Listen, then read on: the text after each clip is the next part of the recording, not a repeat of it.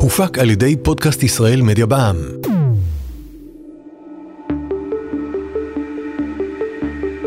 שלום לכם, אתם על מטען חשמלי, הפודקאסט של חברת החשמל.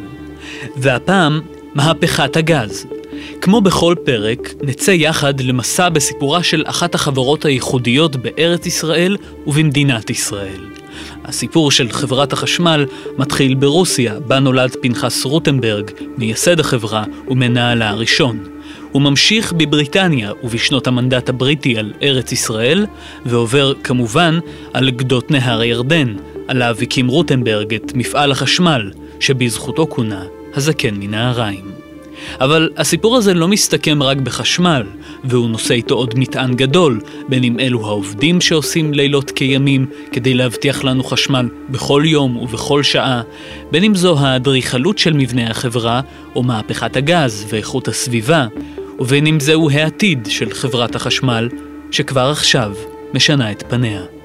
שמי יוסף מצ, התכוננו למסע תת-ימי, הישר לתוך מאגרי הגז. Thank you.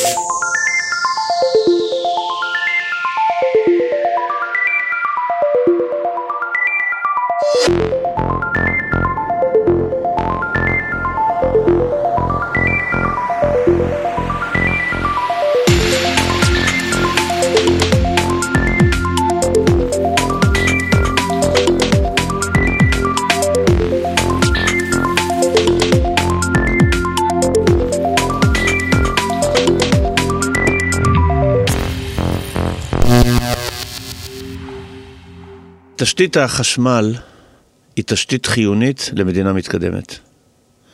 וככל שהמדינה יותר מתקדמת, התשתית הזאת יותר חיונית. האלוף במילואים יפתח רון טל הוא יושב ראש הדירקטוריון של חברת החשמל.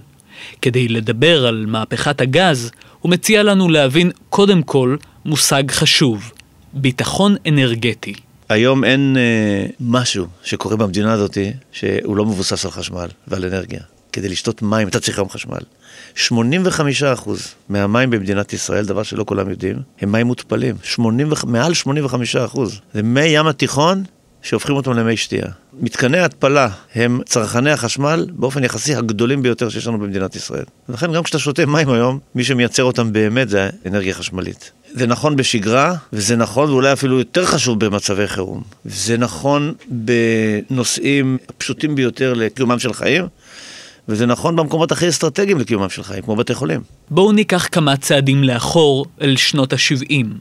בעקבות מלחמת יום הכיפורים, מדינות ערב, שהיו אז ספקיות הנפט העיקריות, החליטו להטיל חרם על מדינות המערב שתמכו בישראל. מחיר חבית נפט זינק בשיעור מדהים, ממחיר של 2 דולר לפני המלחמה ל-40 דולר ההחלטה הזאת הובילה לפרוץ משבר האנרגיה העולמי, ומדינות רבות סבלו ממנו.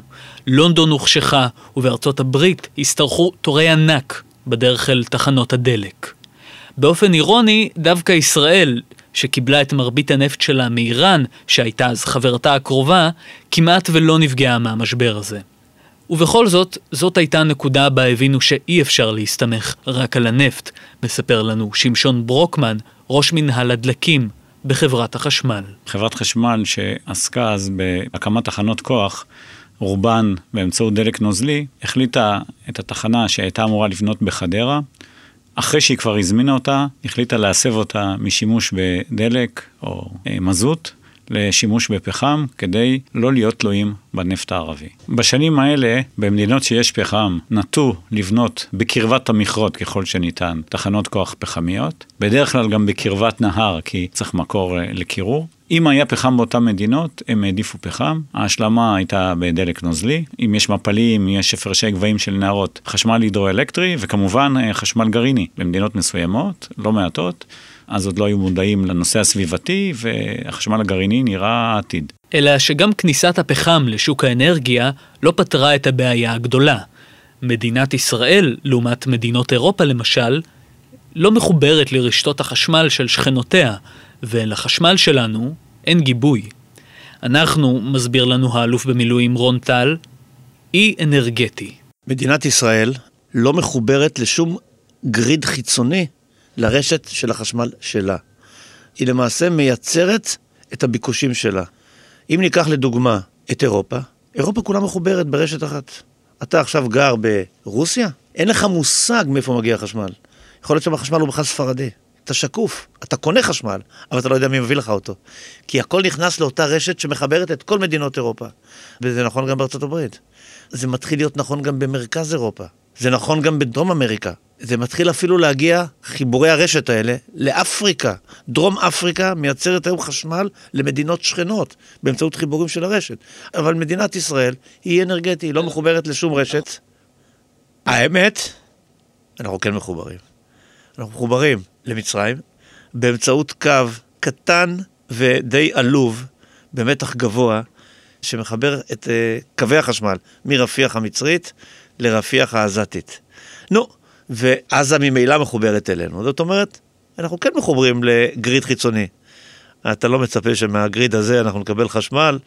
יש גם שתי רשתות שמחברות אותנו לירדן, כתוצאה מהסכם השלום שחתם עליו רבין. חיבור אחד נמצא במעבר אלנבי, וחיבור שני במעבר רבין סמוך לאילת. אבל גם הרשתות האלה הן קטנות, והמדינות שמסביבנו, כדי לסבר את האוזן, צריכה לנפש במדינת ישראל היא בערך פי חמש, ואפילו יותר מזה, פי שש ושבע, מאשר במדינות אותן הזכרתי. אם אתה מדבר על סוריה זה פי עשר. ולכן אנחנו אנרגטי. הדבר האחרון שאני רוצה לדבר, שהוא מאוד חשוב בתחום הביטחון האנרגטי, זה הסביבה שלנו. הסביבה הגיאו-אסטרטגית. אנחנו נמצאים בשכונה מאוד קשה. המזרח התיכון זה לא השכונה האידיאלית לחיים משותפים. אנחנו מאוימים. מסביבנו, נו, לא בדיוק uh, כולם היו רוצים שנמשיך לחיות פה את החיים השקטים שלנו. Uh, המאבק uh, על עצם הקיום שלנו הוא מאבק מתמשך. אבל כל זה מתנגז לתוך התפיסה שמחייבת אותנו להבטיח כל הזמן ביטחון באספקת החשמל.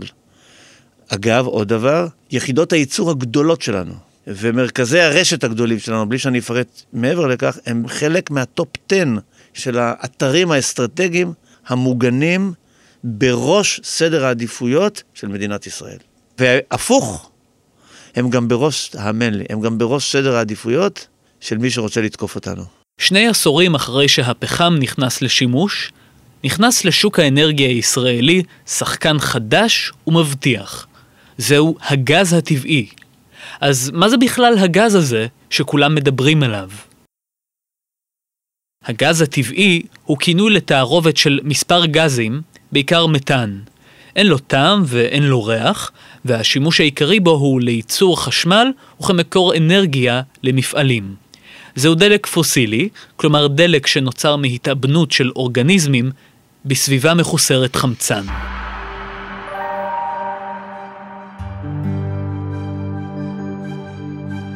צריכים להיווצר כמה תנאים מאוד ספציפיים, וזה קורה בדרך כלל איפה שהיה אגן היקוות, שהיו שם משקעים, אצלנו פה היה ים עתיק, ים תטיס, כל המשקעים ששקעו בתהליכים מסוימים ועם השכבות הנכונות, יכול להיווצר מרבץ כזה של גז, שנוצר משקיעה של צמחים ואורגניזם חיים, שהתבשל בטמפרטורה ובלחץ בעומק הקרקע, זה מיליוני שנים. הגז שאנחנו מדברים עליו שנמצא בישראל קוראים לו גז ביוגני. זאת אומרת, אנזימים, בקטריות מסוימות, הם מה שנקרא נפחו אותו. וצריך שייווצר בתוך הסלע גם סלע נקבובי, שיוד... כמו ספוג, שידע להכיל אותו, וגם מעל הסלע הנקבובי, סלע אוטם בצורה של מבנה, של כיפה, שהגז הזה יהיה כלוא, אחרת הוא ישתחרר ובלו בלו בלו, והוא לא יישאר אחרי מיליוני שנה. עכשיו בטח אתם שואלים את עצמכם, האם הגז הטבעי הוא אותו הגז שיש לנו בבלונים בבית? אז האמת היא שלא. בעוד שהגז הטבעי מגיע ממאגרי גז, גז הבישול הוא תוצר לוואי של זיקוק נפט. אבל בואו נניח את הסירים והמחבטות בצד, ונחזור לגז הטבעי. כשאנחנו מסתכלים איפה שישראל נמצאת כרגע בתחום הגז הטבעי, חייבים בהחלט להסתכל על ההיסטוריה של איך זה התחיל בעולם, איך זה התחיל בארץ, ולהסתכל על העתיד, והכל קשור אחד בשני. תכירו את ג'ינה כהן, שהיא מומחית לגז במזרח התיכון ומרצה בטכניון. עכשיו בעולם, ההיסטוריה של הגז התחיל לפני כמה מאות שנה, אבל זה התחיל בקטן. זה התחיל בזה שמצאו קצת גז שהתבעבע בתוך הרים, או שהיה אפשר להפיק גז אה, מפחם, אבל השתמשו בזה בעיקר אחר כך בתוך מנורות אה, רחוב. אה, מבחינת ההיסטוריה המודרנית, השתמשו בגז באמת אה, באמצע המאה הקודם, משהו כמו 50-60 שנה. לפני שהתחילו להשתמש בזה בצורה רצינית, היה ביטוי, איזושהי בדירה בשוק הגז והנפט, היו קודרים. והיו אומרים, יש לי חדשות טובות וחדשות לא טובות. החדשות הלא טובות זה שלא מצאנו נפט, וחדשות הטובות זה שגם לא מצאתי גז. כי גז היה מאוד קשה להשתמש בו. אם הם היו מוצאים גז בתוך המאגר של הנפט, והם רצו להשתמש בנפט, הם היו צריכים איכשהו להתפטר מהגז, לא יכלו להשתמש בגז. בסביבות 1958, ובעיקר אחרי מלחמת העולם השנייה, קרו שתי דברים. הדבר הראשון שקרה זה שמצאו גז ענק בהולנד, שנקראת קרוניגן, והוא היה גדול מדי כדי לא להשתמש בו. החברות אמרו, וואו, זה כל כך גדול, סתם אה, להזרים את הגז באוויר או להזרים אותו בחזרה בתוך אדמה אי אפשר, הוא כל כך ענק, שעד היום מפיקים ממנו גז. הדבר השני שקרה, זה אחרי מלחמת העולם השנייה, התחילו למצוא טכנולוגיה חדשה בשביל איך להוביל גז בצינורות. זה ככה שמצאו מטרות חדשות, מצאו צורה לעשות חיתוך של הצינורות ביחד וגלגול של הצינורות. כי אתה צריך איכשהו לגלגל את הצינורות או מתחת לים או אדמה, ושני הדברים האלה, זה עשה את ההבדל הגדול. אז ככה התחיל הגז בעולם. מאגר הגז הראשון בישראל התגלה בסוף שנות החמישים. הוא התגלה דווקא ביבשה, באזור מדבר יהודה. כמות הגז במאגרים האלו הייתה קטנה, והיא שימשה בעיקר מפעלי תעשייה באזור דימונה וערד. בתחילת שנות ה-90, התגליות של מצרים גרמו למצרים להודיע שהם שוקלים להתחיל בפרויקטי ייצוא גז. ואז חברת חשמל אמרה, בואו נראה אם אפשר לייבא גז ממצרים. ודובר אז שהמפיקים במצרים שקיבלו זיכיונות מהממשלה, שזה חברות בינלאומיות, הם יעשו את ההתקשרות ישירות מול ישראל כדי לא להביך את המצרים, למרות שכבר היה הסכם שלום, לא להביך את המצרים במכירה ישירה בין גורם ממשלתי לישראל. זאת אומרת, מ-95 התחילו לדבר ברצינות במדינת ישראל, כולל מה המשמעות על תוכנית הפיתוח של חברת חשמל, שתבנה מחזורים משולבים עם גז, במקום להמשיך לבנות כל הזמן תחנות פחמיות. ואז, בשנת 1999 ובשנת 2000, זה קרה. שני מאגרי גז טבעי התגלו מול חופי אשקלון ואשדוד, והם זכו לשמות מרי בי ונועה. המהפכה הגדולה ביותר, המשמעותית ביותר במשק האנרגיה במדינת ישראל, לפי דעתי מאז ומעולם, והיא באמת, אפשר להגדיר אותה כמהפכה ברמה ההיסטורית, היא מהפכת הגז. אז קודם כל, הגז הזה, הוא נמצא בכמויות שמאפשרות לנו פעם ראשונה שלא להתבסס על יבוא של דלקים. למעשה יש גז כחול לבן בים התיכון שמאפשר את כל השימושים לעשרות שנים קדימה. ובהקשר הזה אני אומר, המהפכה הזו בתחום האנרגיה והחשמל ממומשת בקצבים מאוד גבוהים, ובסקטורים אחרים היא ממש לא שם. לדוגמה, בתחבורה אנחנו פחות מ-1% שימוש בגז במקום דלקים הכי מזהמים בעולם. בתעשייה אנחנו פחות מ-10%. יש במדינת ישראל עוד לממש את מהפכת הגז בהרבה מאוד תחומים. בתחום החשמל אנחנו מאוד מתקדמים, וזה רק חלק אחד. מה שקורה במעמקי הים מעניין לא פחות ממה שקורה על היבשה. ראשית, כשבחברת האנרגיה מגלים מקום שיש פוטנציאל למצוא בו גז, מגיעה אסדת הקידוח. אסדת הקידוח היא רק בשלב של הפיתוח. בעומקים הגדולים היא בכלל אונייה שמבצעת את הקידוח כשהיא בכלל צפה. היא לא מורידה רגליים. רק במים מאוד רדודים, אסדת הקידוח היא גם מורידה רגליים והיא בעצם הופכת להיות אי. אסדות הקידוח במקרה גם של ים תטיס וגם של תמר, זה מתקנים צפים ששליטה על המיקום שלהם עם מנועים מיוחדים, הם כל הזמן נמצאים באותו מקום למרות הרוח והגלים, והם מורידים מערכת קידוח שבהתחלה עוברת את המים, במקרה של ים תטיס זה 250 מטר מים, ואז הם מתחילים לקדוח עוד כמה אלפי מטרים עד שמגיעים לשכבת המטרה ששם נמצא הגז. הגז שמגיע ממעמקי קרקעית הים עדיין לא מוכן לשימוש. כשאתה מוצא את הגז בתוך המאגר, הוא מכיל עוד כל מיני נוזלים שאתה רוצה להיפטר מהם. עיקר הנוזלים זה סוג של מים, שאותם אתה סופח, ו condensate, שזה בעצם במצב של טמפרטורה ולחץ מסוים, נפרדים גם טיפות של נוזל. שאתה מאוד לא רוצה שיגיעו לא לצנרת שלך ולא לטורבינה שלך, כי זה מקור אנרגיה מאוד מרוכז שיכול לגרום בשרפה לאיזשהו פיצוץ. ולכן אתה רוצה שהגז יהיה יבש. אתה מפריד את הנוזלים האלה. התהליך חלקו קורה על שדת ההפקה, ובמקרה של ים תטיס, ההשלמה שלו היא נעשית על החוף. בשלב הזה, אסדת הקידוח מסיימת את תפקידה. הגז שעדיין לא עבר ייבוש בשפה המקצועית, כלומר עוד לא נוקע מהחומרים המיותרים, ממשיך בצינורות ההולכה על קרקעית הים ומטפס אל אסדת ההפקה. זה מבנה שרגליו על קרקע הים וראשו מעל המים.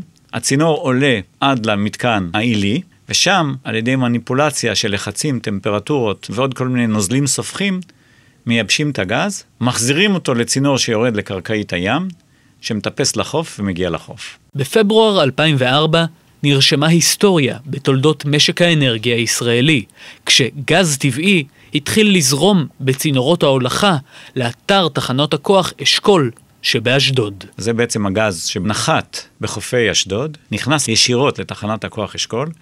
בתוך התחנה עשו מתקן טיפול זמני שדואג להפריד את כל הנוזלים שנשארו בגז כדי שהגז יגיע יבש. וסילק מיליון טון מזוט בשנה מהעיר אשדוד לטובת גז. אז למה הגז הוא כל כך מהפכני? מלבד העובדה שתחילת השימוש בגז כמקור אנרגיה נתנה לנו ביטחון אנרגטי מסוים, הגז הוא גם זול מדלקים מבוססי נפט ופחם, וחשוב לא פחות, הוא ידידותי הרבה יותר לסביבה. הוא מאוד uh, זול, באופן יחסי לכל הדלקים. למעשה, האלטרנטיבה של הגז היום הוא השימוש בסולר ובמזוט. זה בערך פי חמש במחיר. זה למעשה מאפשר להיות באמת מאוד תחרותי, בטח בתעשייה, ביחס למדינות אחרות. זה למעשה מהפכה שמשתלבת לגמרי בכך שאנחנו שואפים לסביבה נקייה יותר, לאיכות אוויר ולחיים טובים יותר ובריאים יותר. זה מזל שלא מצאנו את הגז 20 שנה לפני כן, כמו שמצאו בעולם, וזה מזל שלא מצאו אותו בעוד 20 שנה. כי אם היו מוצאים את זה לפני 20 שנה, לפי דעתי זה יכול לעשות לנו יותר נזק מטוב.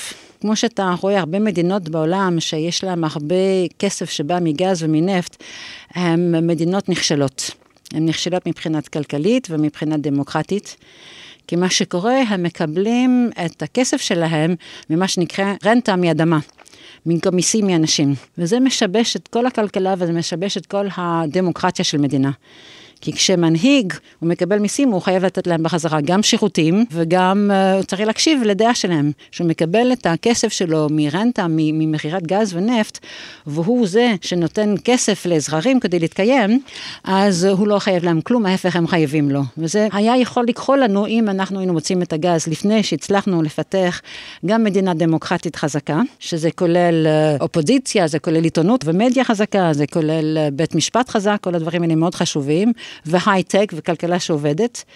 ואז זה טוב שלא מצאנו אותו לפני כן, כמו שמדינות באזור מצאו אותו. למה זה טוב שלא מצאנו את זה בעוד 20 שנה? כי זה עכשיו, עכשיו צריכים להשתמש בגז הזה. עוד 20 שנה, אנשים לא בדיוק יודעים מתי, 2040, 2050, העולם מתקדם לאנרגיה מתחדשת. עלייה וקוץ בה. המהפכה מתקדמת בקצבים מאוד מהירים.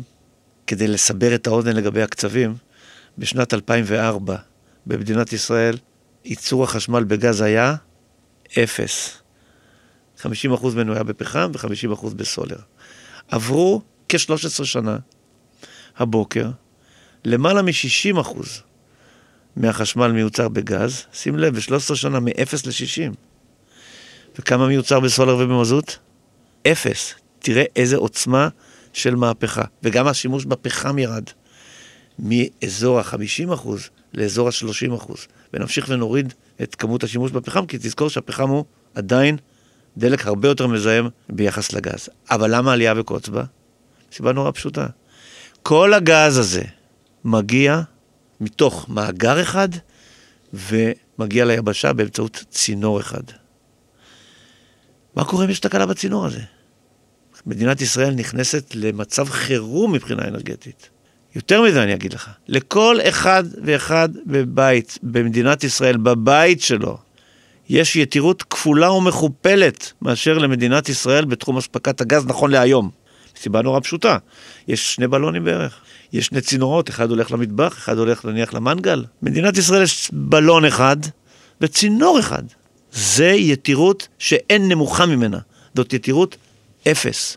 זאת הבעיה העיקרית, הסיכון העיקרי שיש היום על משק האנרגיה במדינת ישראל. כל תחנות הכוח של חברת חשמל לא היו מיועדות לשרוף גז. את כל התחנות הקיימות היו צריכים עכשיו לעשות להם הסבה לגז. זה אומר שמשנים בהם חלקים חמים. את מערכות הבקרה, את כל הנושא של הבטיחות שקשור עכשיו לדליפת גז אפשרית, כדי שלא יהיו ניצוצות. אז זו הייתה עבודה הנדסית מאוד משמעותית.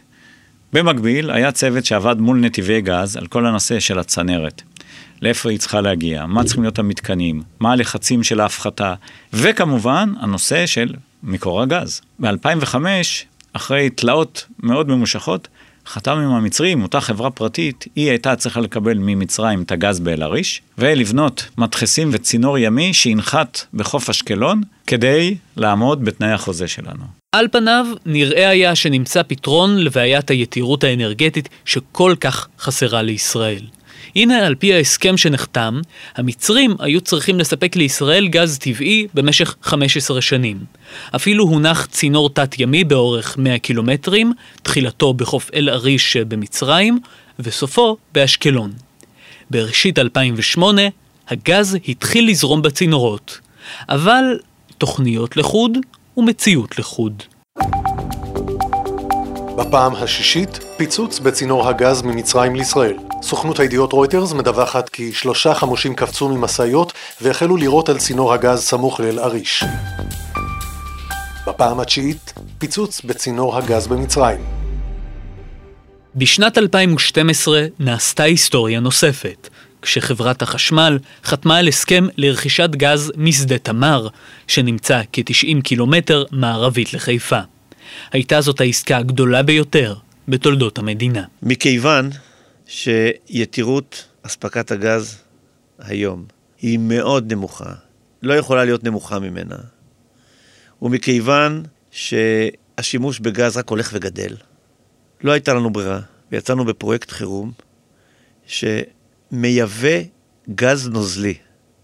אני לא מאמין שאני אומר את זה. מייבא גז נוזלי, בעיקר מאמריקה, במדינה כמו שנקראת טרינידד, שהיא ספק הגז הנוזלי העיקרי שלנו נכון להיום, אבל ההסכמים האלה הם הסכמים משתנים.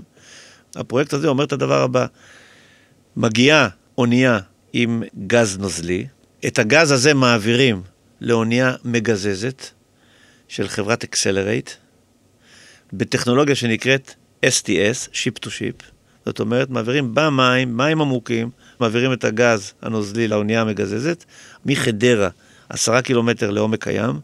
האונייה המגזזת מתחברת למצוף שנמצא בקצה הצינור הזה. מתבצע בתוך האונייה תהליך של הפיכת הגז מגז נוזלי לגז במצב uh, צבירה גז. אגב, זה נעשה בטמפרטורה פשוטה של uh, מי הים, כי הגז הוא נוזל בטמפרטורות מאוד נמוכות.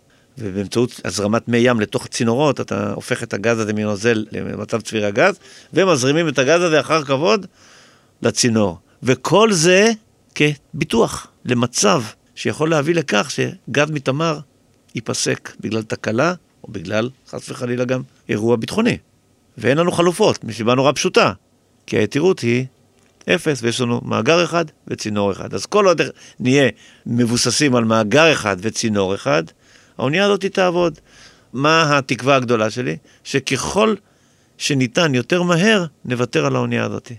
כי זה יבשר לנו מצב שבו יש לנו כבר עוד מאגר ועוד צינור. הגז הוא מהפכה של ממש בתחום האנרגיה. הוא ירוק, הוא כחול לבן, והוא זול משמעותית מהדלקים האחרים. המהפכה הזאת כבר כאן, אבל היא עדיין לא הושלמה. היא עוד לא הגיעה לתחבורה, רחוקה מלהגיע לכל התעשייה, וכן, אנחנו עדיין מסתמכים רק על מקור דלק אחד. בינתיים. כשנדע ונשכיל לממש ולקדם ולהשלים את מהפכת הגז, אני משוכנע שמשק האנרגיה במדינת ישראל יהיה המאיץ העיקרי גם להורדת יוקר המחיה במדינת ישראל וגם לצמיחה במדינת ישראל. וימים יגידו. תודה למרואיינים שהשתתפו בפרק. האלוף במילואים יפתח רונטל, יושב ראש דירקטוריון חברת החשמל, שמשון ברוקמן וג'ינה כהן. עורכת ראשית, דליה בודינגר, דוברת חברת החשמל. הפקה, דוברות חברת החשמל, כרמל ביטן אלדשטיין ולירון בן יעקב. הפודקאסט הופק על ידי רשת עושים היסטוריה. שמי יוסף מצ, נתראה בפרק הבא.